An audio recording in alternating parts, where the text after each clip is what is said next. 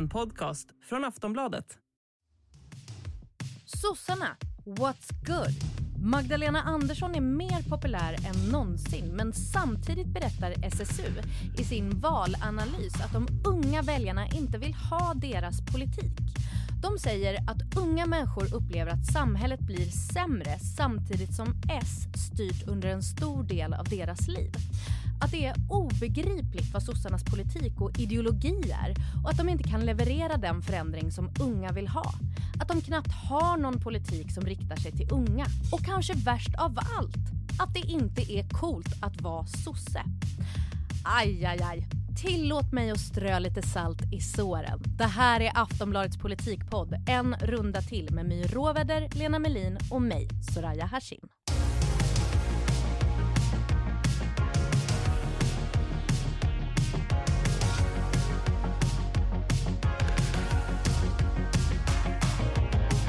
My och Lena, hallå! Hej. Hallå! Eh, det har ju precis kommit ut en demoskop om de populäraste statsråden, eller man har liksom rangordnat vilka statsråd i regeringen man gillar bäst. Vad sa den? Vem vann? Ja, men det var inte gillar, utan den som man tyckte man sköt eh, jobbet bäst. Gillar? Ja, okej. Okay. Eh, Vem vann? Paul Jonsson, försvarsminister. Paul med Å? Paul med Å. Varför? Ja, det kan man fråga sig. Men jag tror det verkar som svenska folket har en viss förbläss för, för, för försvarsministrar. För att på den socialdemokratiska tiden så var det oftast så att Peter Hultqvist också var den som var duktigast. Är det den man tänker är liksom pappa som kommer lösa allt? Om det går åt helvete och så tänker man att man lägger tryggheten i försvarspersonen? Jag vet inte, men jag, det, jag tycker Melin inte att svara. det förefaller orimligt att tro det. Gunnar Strömmer tänkte jag annars skulle vara poppis. Ja, men han är ju tvåa. Okej. Okay. Mm. Det går inte dåligt för Gunnar. Jag tänker att försvarsministern är också en minister som inte har så mycket konflikt kring sig. Att även oavsett vem man har röstat på uh. så kan man gilla en försvarsminister för att den håller landet tryggt på något sätt. Men eh, Monsieur vuxen i rummet, statsminister Hjalmar. Katastrof. Nähä. Katastrof. Delad 17 plats. Nej. Jo. Är det sant? Ja. Vad pinsamt. Ja. Här kommer komma några ord ur min mun som jag aldrig någonsin trodde att jag skulle säga. SSU har kommit med en valanalys och det var saftig läsning. jag tyckte det. What, what have you become? what have you made me? Kan vi snarare prata om. Okej, okay, så SSU har funderat på varför det inte gick bättre i valet för Socialdemokraterna och en slutsats som de gör är den här. Att sossarnas vision om samhället de vill ha är för luddig i jämförelse med Moderaternas. De säger Socialdemokraterna saknar en optimistisk framtidsvision där vi är mer jämlika och lever mer hållbart. Vi saknar även konkreta svar på hur vi ska nå dit. Socialdemokraterna behöver lägga fram en berättelse om vad vi vill se för samhälle på sikt. Någonting som de då menar att Moderaterna kunde göra tydligare. Och det här mina vänner är det vi ska ta fasta på idag. Om Ulf Kristersson var så bra på att visa vilket hus han vill att vi ska bo i, håller ni med SSU om att Socialdemokraterna har haft svårt att måla upp hur deras hus ska se ut? Ja. Absolut, och det beror ju delvis på att de har äh, den parlamentariska situationen. Alltså de hade inte så många som tyckte precis som dem och alltså fick de svälja och genomföra en rad förslag som absolut inte har någon socialdemokratisk stämpel. Och jag, tyck, jag håller med SSU till fullo. Ja. Utöver det liksom parlamentariska läget, vad mer var det som gjorde att de inte kunde visa vad de vill framåt, vad de drömmer om, vilket samhälle de vill ha? Men de har väl inte bedrivit ett idéarbete som är tillräckligt kraftfullt för att då skulle man ju kunna alltså, man skulle kunna kombinera de här två sakerna och säga att så här så vill vi ha det egentligen om vi fick bestämma alldeles själva och det får vi inte eftersom vi inte har 51 procent av rösterna. Men nu är vi tvungna att ta hänsyn till våra samarbetspartner och då får vi tyvärr genomföra saker som vi inte tycker är jättetoppen. Men i, i, vi gör det i alla fall. Men jag har ändå svårt att förstå varför. Hade de liksom inte folk? Passade inte just nu? Var det ingen som kom ihåg? Nej men eh, alltså det där är ju jättevanligt med, folk, med partier som har suttit i regeringsställning väldigt länge. Det är att de, de tappar sitt eget idéarbete. Ett verkligen tydligt exempel på det var ju de fyra partierna i alliansen där det till slut var stendött, var tomt liksom i idélådan. Mm. Uh, och, uh, um, är det som att man blir förslappad eller? Man offrar så mycket för att, le, för att sitta i regering och för att uh, vara överens med sina partners och sådär. Så till slut så, det, det, det, det, här är något man tänker, det där tar vi tur med sen och så plötsligt så har man förlorat valet och då är det sen för länge sen. Som personlig utveckling när man är småbarnsförälder. Jag tar om tio år.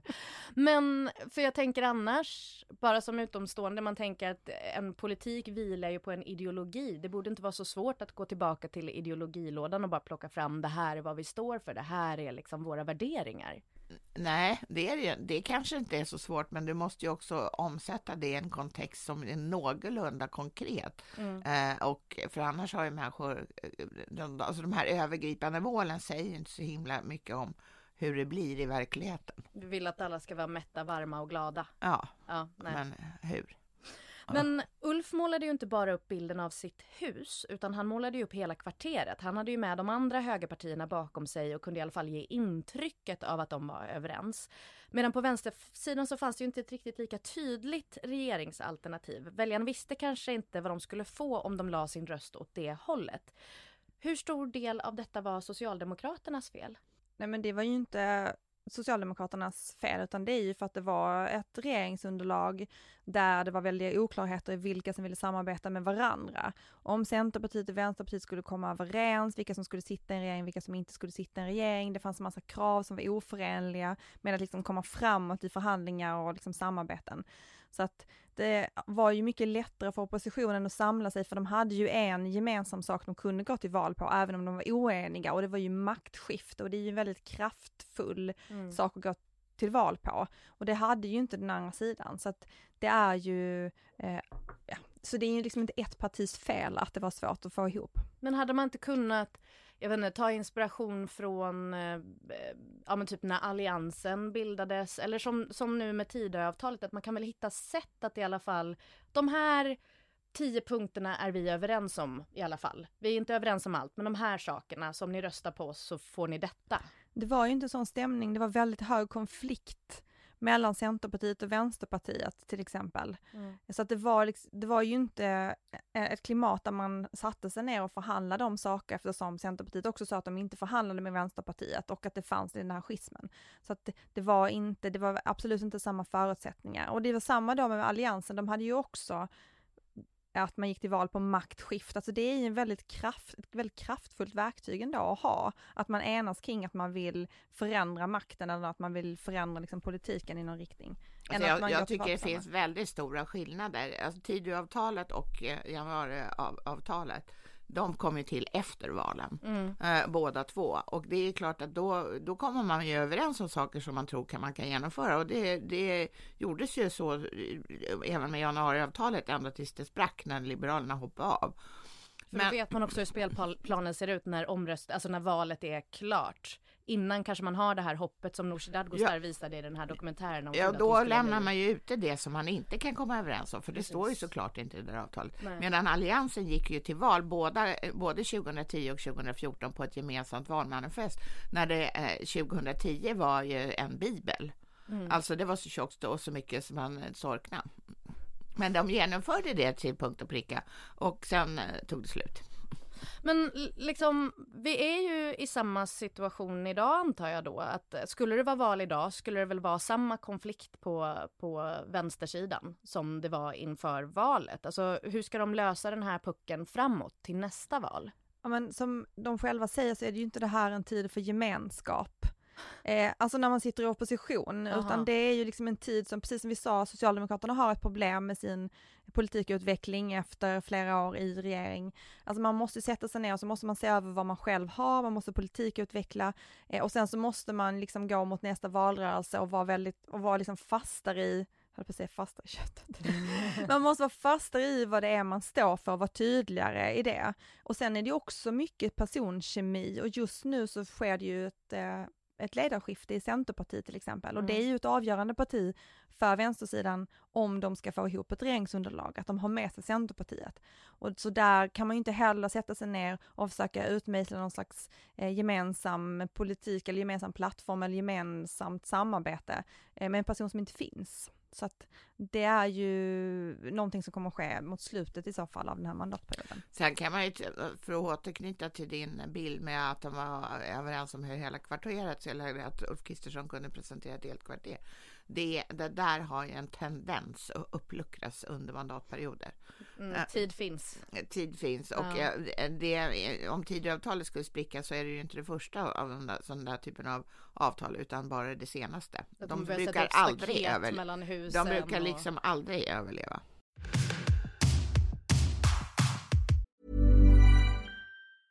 Spring, is that you? Warmer temps mean new Allbirds styles. Meet the Superlight Collection, the lightest ever shoes from Allbirds, now in fresh colors. These must have travel shoes have a lighter than air feel and barely their fit that made them the most packable shoes ever. That means more comfort and less baggage. Try the Superlight Tree Runner with a cushy foam midsole and breathable eucalyptus fiber upper. Plus, they're comfy right out of the box. So, what can you do in a superlight shoe? What can't you do is the better question. And because they're super packable, the real question is, where are you taking them? Experience how Allbirds redefines comfort. Visit allbirds.com and use code SUPER24 for a free pair of socks with a purchase of $48 or more. That's A L L B I R D S.com code SUPER24.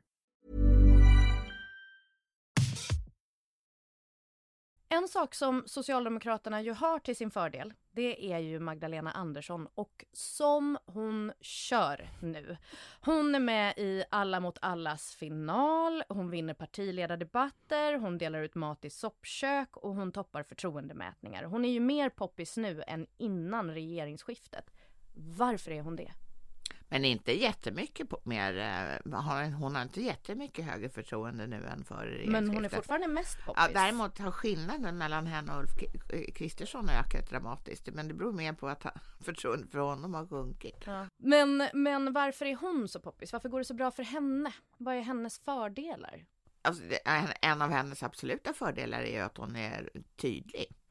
Eh, sen kan hon ju ha en nackdel också, att hon kan ibland verka lite sur men, och, och, och liksom kantig. Men det kan man ju säga att eh, efter, nu i alla fall, kanske inte he- hela tiden efter valet, men nu så verkar hon ju så himla glad och sprudlande hela tiden. Så att eh, då, då, då, ja, då finns ju inte den negativa mm, delen så att säga. Hon slipper ju också alla de här löftesbrotten Ja, som den här regeringen tampas med. Att man har lovat någonting i en valrörelse.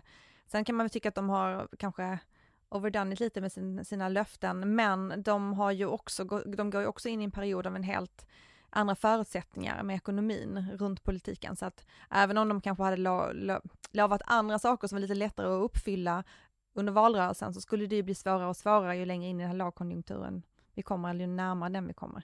Så det, är- det är liksom det slipper lättare- hon. Okej, så det är lättare för henne då att vara eh, skärmtrollet som, som Hon är... behöver inte ta ansvar, hon kan ju bara lägga politiska förslag. Det som överraskar mig mer är väl att de inte är mer kreativa i de politiska förslagen de lägger, att de fortfarande håller sig väldigt mycket in som om de skulle kunna bli ansvarsutkrävda för den politiken de lägger. Alltså man kan ju vara lite mer eh, konstnärligt lagd när man är oppositionspolitiker Mm. eh, än när man är, sitter i regering. Men jag tror det beror på att de har inte byggt sitt hus. De har ingen eh, kista av idéer eller ösa ur. Vad behöver de göra för att få idéer då? Vad, vad är liksom arbetet de måste göra för att nå fram Ja, de måste ju samla sitt parti och, och, och skapa den här bilden för jag, att gå till val 2026 utan att kunna måla ut det här huset som vi pratade om nu förut. Det tror jag vore förödande för, inte bara för Socialdemokraterna utan för många partier om de inte, om de inte kan göra det. Men särskilt naturligtvis för de regeringsbärande partierna. Och, och hur går det liksom konkret till? Det ofta, ja, ofta så samlar man ju partiet till någon slags genomgripande idédiskussion och så, så, så är det någon, som, nå, någon grupp som får skriva ihop alla de här eh, idéerna som kommer upp eh, och eh, sen så klubbar man det där. Okej. Så egentligen som en helt vanlig personalkonfa på vilket jobb som helst när man sitter med post-it-lappar Ja, i men en, grupper. en grej som eh, kanske de flesta kommer ihåg är ju Centerns idéprogram som kom för i och för sig vid det här laget ganska länge sedan, men det var när Annie Lööf var ny partiledare och det var ju väldigt vildsinta förslag får man ändå säga om, om uh, månggifte och sånt där. Eh, det gick då inte igenom eh, i slut, den slutliga manglingen, men, men eh, det, man kan ju tänka sig att de hade ganska roligt i Centern när de satt och spånade. Ja, det... en eller två vinflaskor kanske gick åt, vi får se. Men eh, Eh, det känns ju lite som att Socialdemokraterna lägger alla sina ägg i Magdalena-korgen. Att, eh, som parti, att de hänger upp allting de har på henne om de nu inte har några idéer. Är inte det lite riskabelt? Alltså det är ju väldigt riskabelt i politiken att, att bara använda sig av en person. Människor kan ju sluta, människor kan bli sjuka, nu säger inte jag att någonting av det här ska hända Magdalena Andersson. Eh, men det är en väldigt skör strategi. Jag tror att Centerpartiet kommer känna av det nu när Annie Lööf slutar, för de har hängt upp väldigt mycket på henne och se, lyft fram henne som sin stora styrka. Och då blir det ju en kris när en sån person försvinner, för att det liksom blir en hel identitets, identitetskris för partiet istället för bara för att man har liksom en förändring i ledarpositionen. Så att det är ju inte en, eh, det är inte en bärande strategi att ha. Och det visade sig i valet också egentligen, för Magdalena Andersson är ju inte statsminister. Mm. Även om man hoppades på att liksom hennes popularitet skulle bära fram dem till den posten, så gjorde det inte det. Men, men jag tänker, vilka andra typer av personer skulle de behöva i toppen på Socialdemokraterna? Jag tror att en sån här person som Mikael Damberg är jättebra. Han snackar om vad som helst och ser glad ut. En, en gladis, är det det man behöver? En, en liksom Ja. mång, mångfacetterad eller Ja, som är liksom lite positiv, ser positivt på livet och inte deppar ihop. Alltså han, det är in, mot, han är antitesen till P1 Morgon som varje dag är en problemkatalog. Alltså lyssnar man på, eller läser man SSU val, SSUs valanalys så vill de ju ha unga visionära typer som gör det coolt att vara sosse. Coolt. Ja. Mm, Okej. Ja, dit är det väl ganska långt, men... eh, Nej men snälla, det känns som att vi satt här för ett år sedan och jag bara, ge mig en ung cool Nej, vi har sosse. kämpat med det här jätte, jättemycket. Men jag tänker så här, man kanske inte måste vara så snide idag. Alltså, Mm. måste man vara det? Jag vet inte. Nej, Så SSU verkar ju vilja, vilja jag att talar det... i min egen, för min egen skull. Men för de Måste pratar, man vara cool? kan jag få inte vara cool? Tack! Men för att få hoppa tillbaks till Magdalena Andersson så är ju hon oerhört viktig för Socialdemokraterna. För Hon är efterträda en partiledare som var extremt lojal mot sitt parti. Han eh, eh, lackade ur när han blev bortröstad på grund av någonting som han tyckte var helt fel att han blev bortröstad för. Men det var en, jag tror också att han gjorde av lojalitetsskäl. Med honom vid rodret hade Socialdemokraterna inte ökat i valet. Och det visste han. Det visste han, det visste alla. Det är sorgligt. Ja, men då har de ju ändå tagit konsekvenserna av det. Hon, det blev hon istället.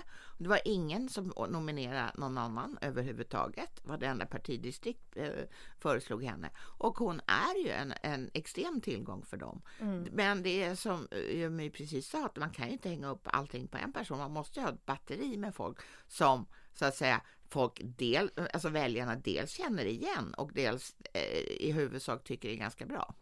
Och okej, de har Damberg nu. Finns det några andra som de skulle kunna lyfta fram lite mer? Ja, men de lyfter ju sin partisekreterare Tobias Baudin väldigt mycket och det Ja. tycker jag skiljer sig från hur man har eh, använt sig av sin partisekreterare under ganska många år. Att det har varit en mer eh, en liksom person lite bakom kulisserna mer och det är ju inte han nu utan han är ju också en av de här företrädarna. Liksom. De, är- de är ju en liten trojka där, Damberg, Andersson och Baudin. Ja. Eh, och sen så finns det ju, de har ju fördelen nu det här med att de liksom har ändå speedat upp med att de har ju många kända politiker för att de har varit ministrar. Eh, så att de har ju liksom nu i alla fall eh, liksom fortfarande fart i att eh, ha liksom kända politiker. Det kommer ju avta med liksom mandatperioden. De kommer liksom f- falla i glömska i större utsträckning. För jag, jag tänker om, om ni skulle få ta en person från andra laget, från högersidan och ge till Socialdemokraterna för att de skulle lyckas. Vem, vem skulle ni ta? Gunnar Strömmer. Denna Gunnar alltså. Every time.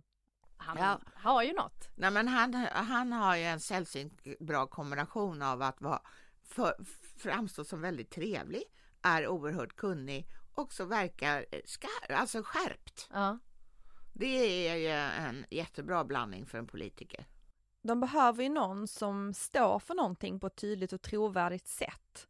Som folk lyssnar på och som folk tror på när de säger någonting. Att det, liksom, det här är det de jobbar för. Och det inte känns som att den kommer ändra åsikt så fort vinden blåser åt ett annat håll. Exakt. Jag tror att de har potentialen Magdalena, Magdalena Andersson att vara att hon ska vara en sån politiker. Men om man ska ta någon från andra sidan så är väl den mest framgångsrika politikern Jimmy Åkesson. Mm.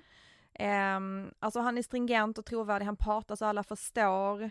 Eh, han har sagt samma sak i 20 år. Eh, det är ibland skrämmande att han orkar med sig själv, tänker jag, att säga samma sak. Och han har själv sagt att eh, han ibland knappt själv står ut. Okej, så Socialdemokraterna gick ju visserligen framåt i valet från, från valet innan. Men enligt den här valanalysen så har ju sossarna ett verkligt problem med att deras väljarbas håller på att dö. Om de lyckas måla upp sin vision tydligare och odla några riktiga stjärnor i toppen, räcker det eller finns det någonting mer de måste göra för att komma tillbaka? Nej, men jag tror, alltså, även om vi nyss kastade här i papperskorgen, men jag tror att de måste bli liksom lite coolare, lite hippare. Ja. Det, att det måste vara spänn, alltså det måste finnas något spännande kring Socialdemokraterna. Och det, alla framgångsrika partier har ju oftast någonting av den varan. Eh, om de inte så att säga bara är släpvagnar åt eh, något annat större parti. Mm, Så att det, det tror jag är viktigt för att ingen vill ju eh, vara med i något tråkgäng. Nej. Och det det- är lätt att bli tråkig när man har suttit på makten så länge kanske. Ja, och sen också kanske eh, väldigt ofta refererar till, ja, det var redan så på Möllers tid och sådär. Och det, det, det, då, då, vet, ja, då vet ju liksom 75 procent inte vem, vilken jävla Möller pratar om. Inte jag heller, ingen aning. Nej. Vad sa du? Vad sa du? Alltså SSU pratar ju också om att det behöver vara att unga känner att det är ett parti som kommer göra skillnad för deras liv. Just De det. pratar ju om att det fanns för lite politiska förslag som var just för unga. De kunde typ bara peka ut ett och det var Ja. kollektivtrafik, gratis kollektivtrafik Exakt. på sommaren. Eh, att man ska göra det bättre för alla, men samtidigt hade de ju en liten motsägelse i den här valanalysen och det var att de skrev att ingen röstar på ett parti för att göra, för att göra det sämre för sig själv, för andras skull. Och ja, men är det inte just det som är socialism? Att man offrar någonting av sin egen välgång, eller vad man ska säga, för att andra som har det sämre ska få det bättre. Så där kanske de har lite av en utmaning då, Det är socialdemokratin. tur att det inte är fler som är 18 plus och under 25 som sitter i olika beslutande församlingar. Nej men alltså de måste kanske då förankra sin ideologi också i den här liksom unga generationen. Mm. Som ju handlar om just att man för liksom kollektivet eh, offrar någonting för att göra det bättre för alla då. Att liksom äga den grejen, stå för det. Ja, att Det det, är det ni liksom är ju ändå det som är grunden för Ja. socialdemokratin. Mm. Så det, ja, det kan ju vara lite svårt att se, även om det kan vara lite svårt att se den ådran just nu eftersom man har då haft januariavtalet och man har drivit väldigt mycket liberal politik. Jag Men det skulle väl säga att det det är är- grunden för vad alla partier tycker att de gör. Att de vill göra bättre för alla. Ja. Mm. Men, men jag undrar ändå, en sån här valanalys som kommer från ungdomsförbundet, kommer Socialdemokraterna ta den här kritiken på allvar? Alltså de vet att det finns ett arbete att göra här och Magdalena Andersson pratar ju om det hela tiden nu, att eh, det här är liksom tråkigt att vara i opposition men det är väldigt nyttigt för partiet att göra just den här, liksom, att utveckla folkrörelsen och i- de liksom politiska idéerna. Men kommer Magdalena Andersson sätta sig ner, läsa den här pdfen och säga good point, det här ska vi lyssna på. Nej, men de kom, gör ju en egen valanalys och det är klart att den kommer ju vara mycket viktigare. Den här kan ju säkert ses som ett inspel av den, men så det vuxna partiet kommer ju göra en egen. Jag Eller tror- gör en egen. Och jag tror att vissa delar av det här skulle vara med i den vuxna, vad ska man säga så? Vi pratar ju om vuxna människor ändå, människor som är unga och som röstar. Eh, nej men alltså det har ju ändå varit många år nu när socialdemokratin har frågat sig själva, vad är socialdemokratin? Problemet är ju att man har haft en ledning som har suttit i re- regering och man har inte haft tid att lyssna eller ställa, svara på den frågan och nu har de ju den tiden. Mm. Så att det ska, ge, det ska bli väldigt Och intressant nu har att vi se gett var dem det en landar strategi. någonstans. Varsågoda. Vi har löst socialdemokratin. Varsågod det Magda.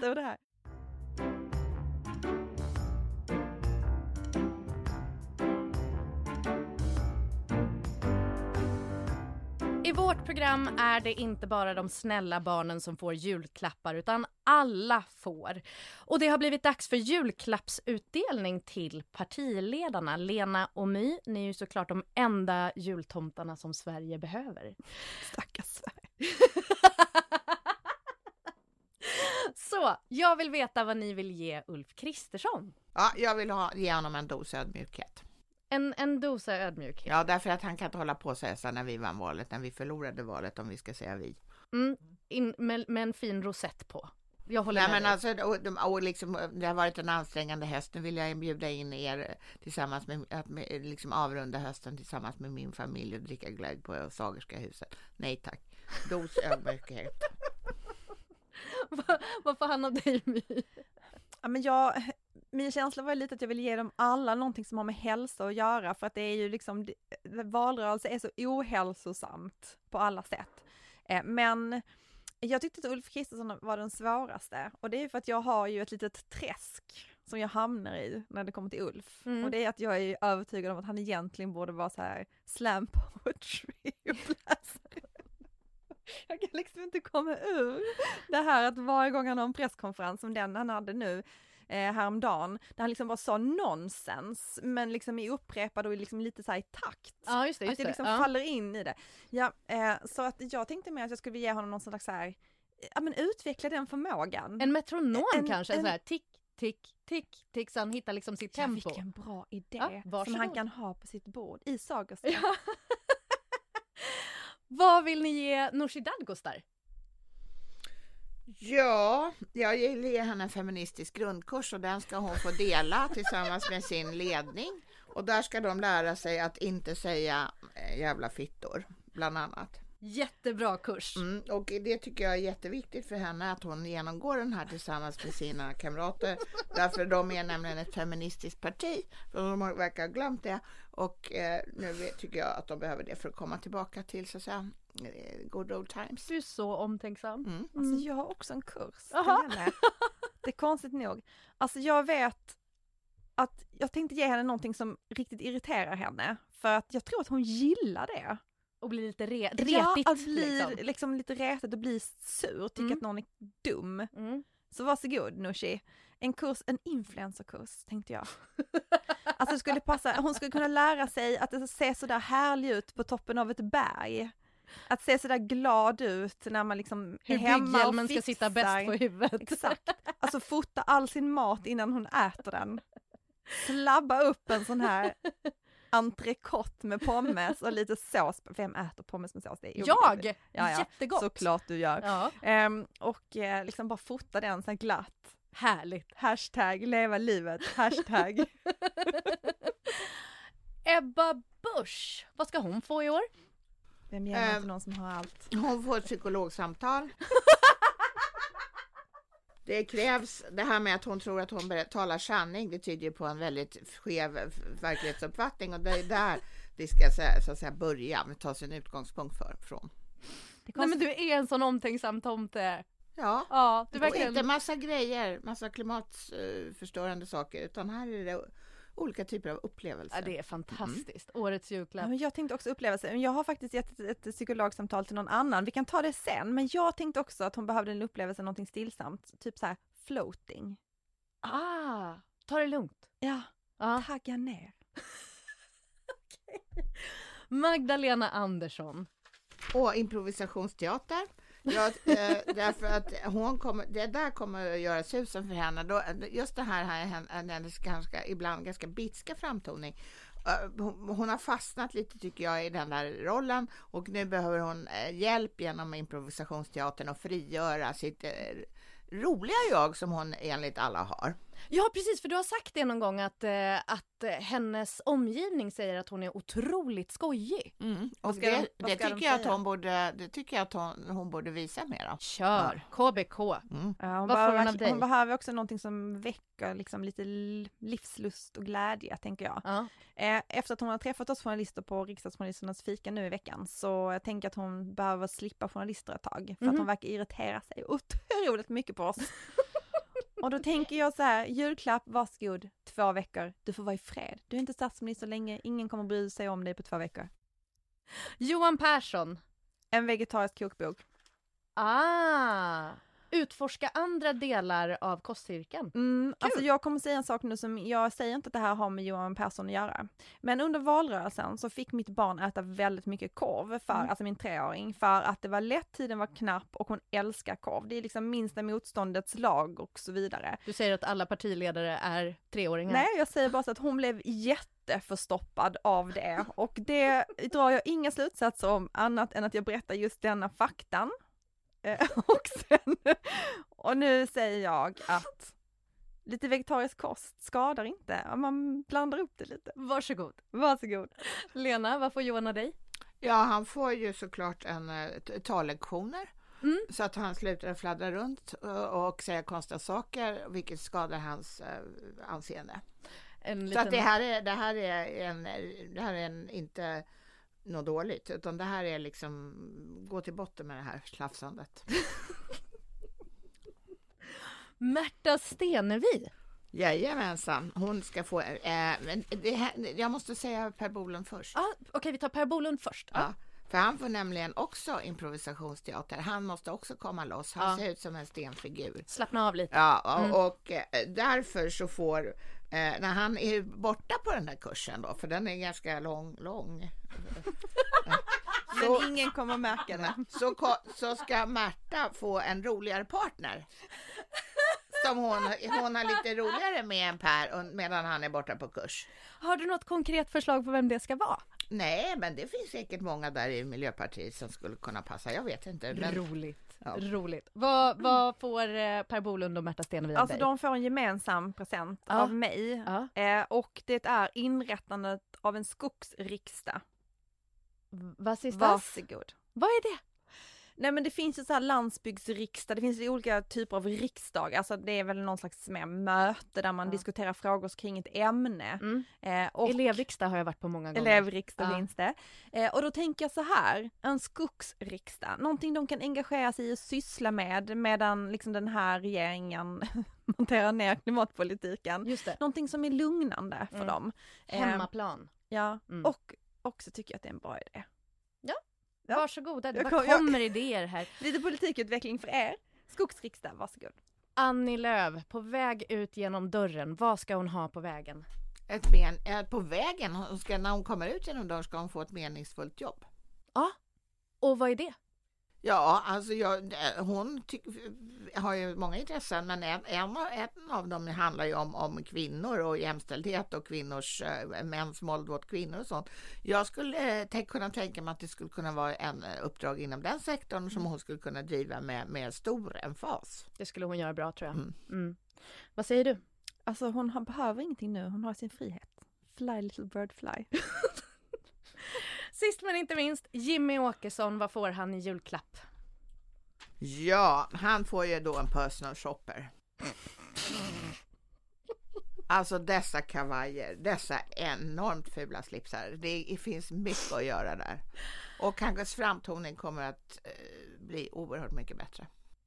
Det var, det var omtänksamt. Mm. Vad säger du? Alltså det är, ja, terapi. Terapi? Ja, precis. Eh, för vad gör man när alla ens mål och drömmar har uppfyllts? Ja. Alltså man får ju total identitetskris, det har Ja. inte hänt mig. Men jag har hört talas om att det blir så. Men han har ju fortfarande inte eh, någon ministerpost. Nej men jag tror att han ändå liksom är där, det börjar krisa nu. Ja. Vem är jag? Hitta Vad ska jag mening. göra? Vad är meningen med livet? Ja. Mm. Alltså ett helt livsverk. Ja, terapi.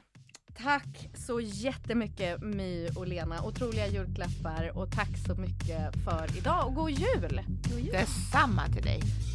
Nästa avsnitt blir mitt sista för en runda till, men det ska vi snacka mer om då. Vi som har gjort det här avsnittet är producent Olivia Svensson, experter My Råväder och Lena Melin och jag heter Soraya Hashim. God jul på er och ta hand om er. Vi hörs nästa vecka. Hej då!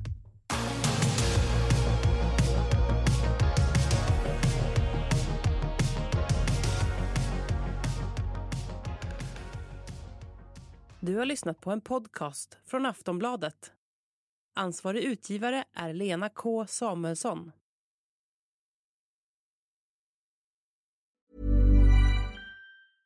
Ready to pop the question? The jewelers at BlueNile.com have got sparkle down to a science with beautiful lab grown diamonds worthy of your most brilliant moments. Their lab grown diamonds are independently graded and guaranteed identical to natural diamonds, and they're ready to ship to your door. Go to BlueNile.com and use promo code LISTEN to get $50 off your purchase of $500 or more. That's code LISTEN at BlueNile.com for $50 off. BlueNile.com code LISTEN.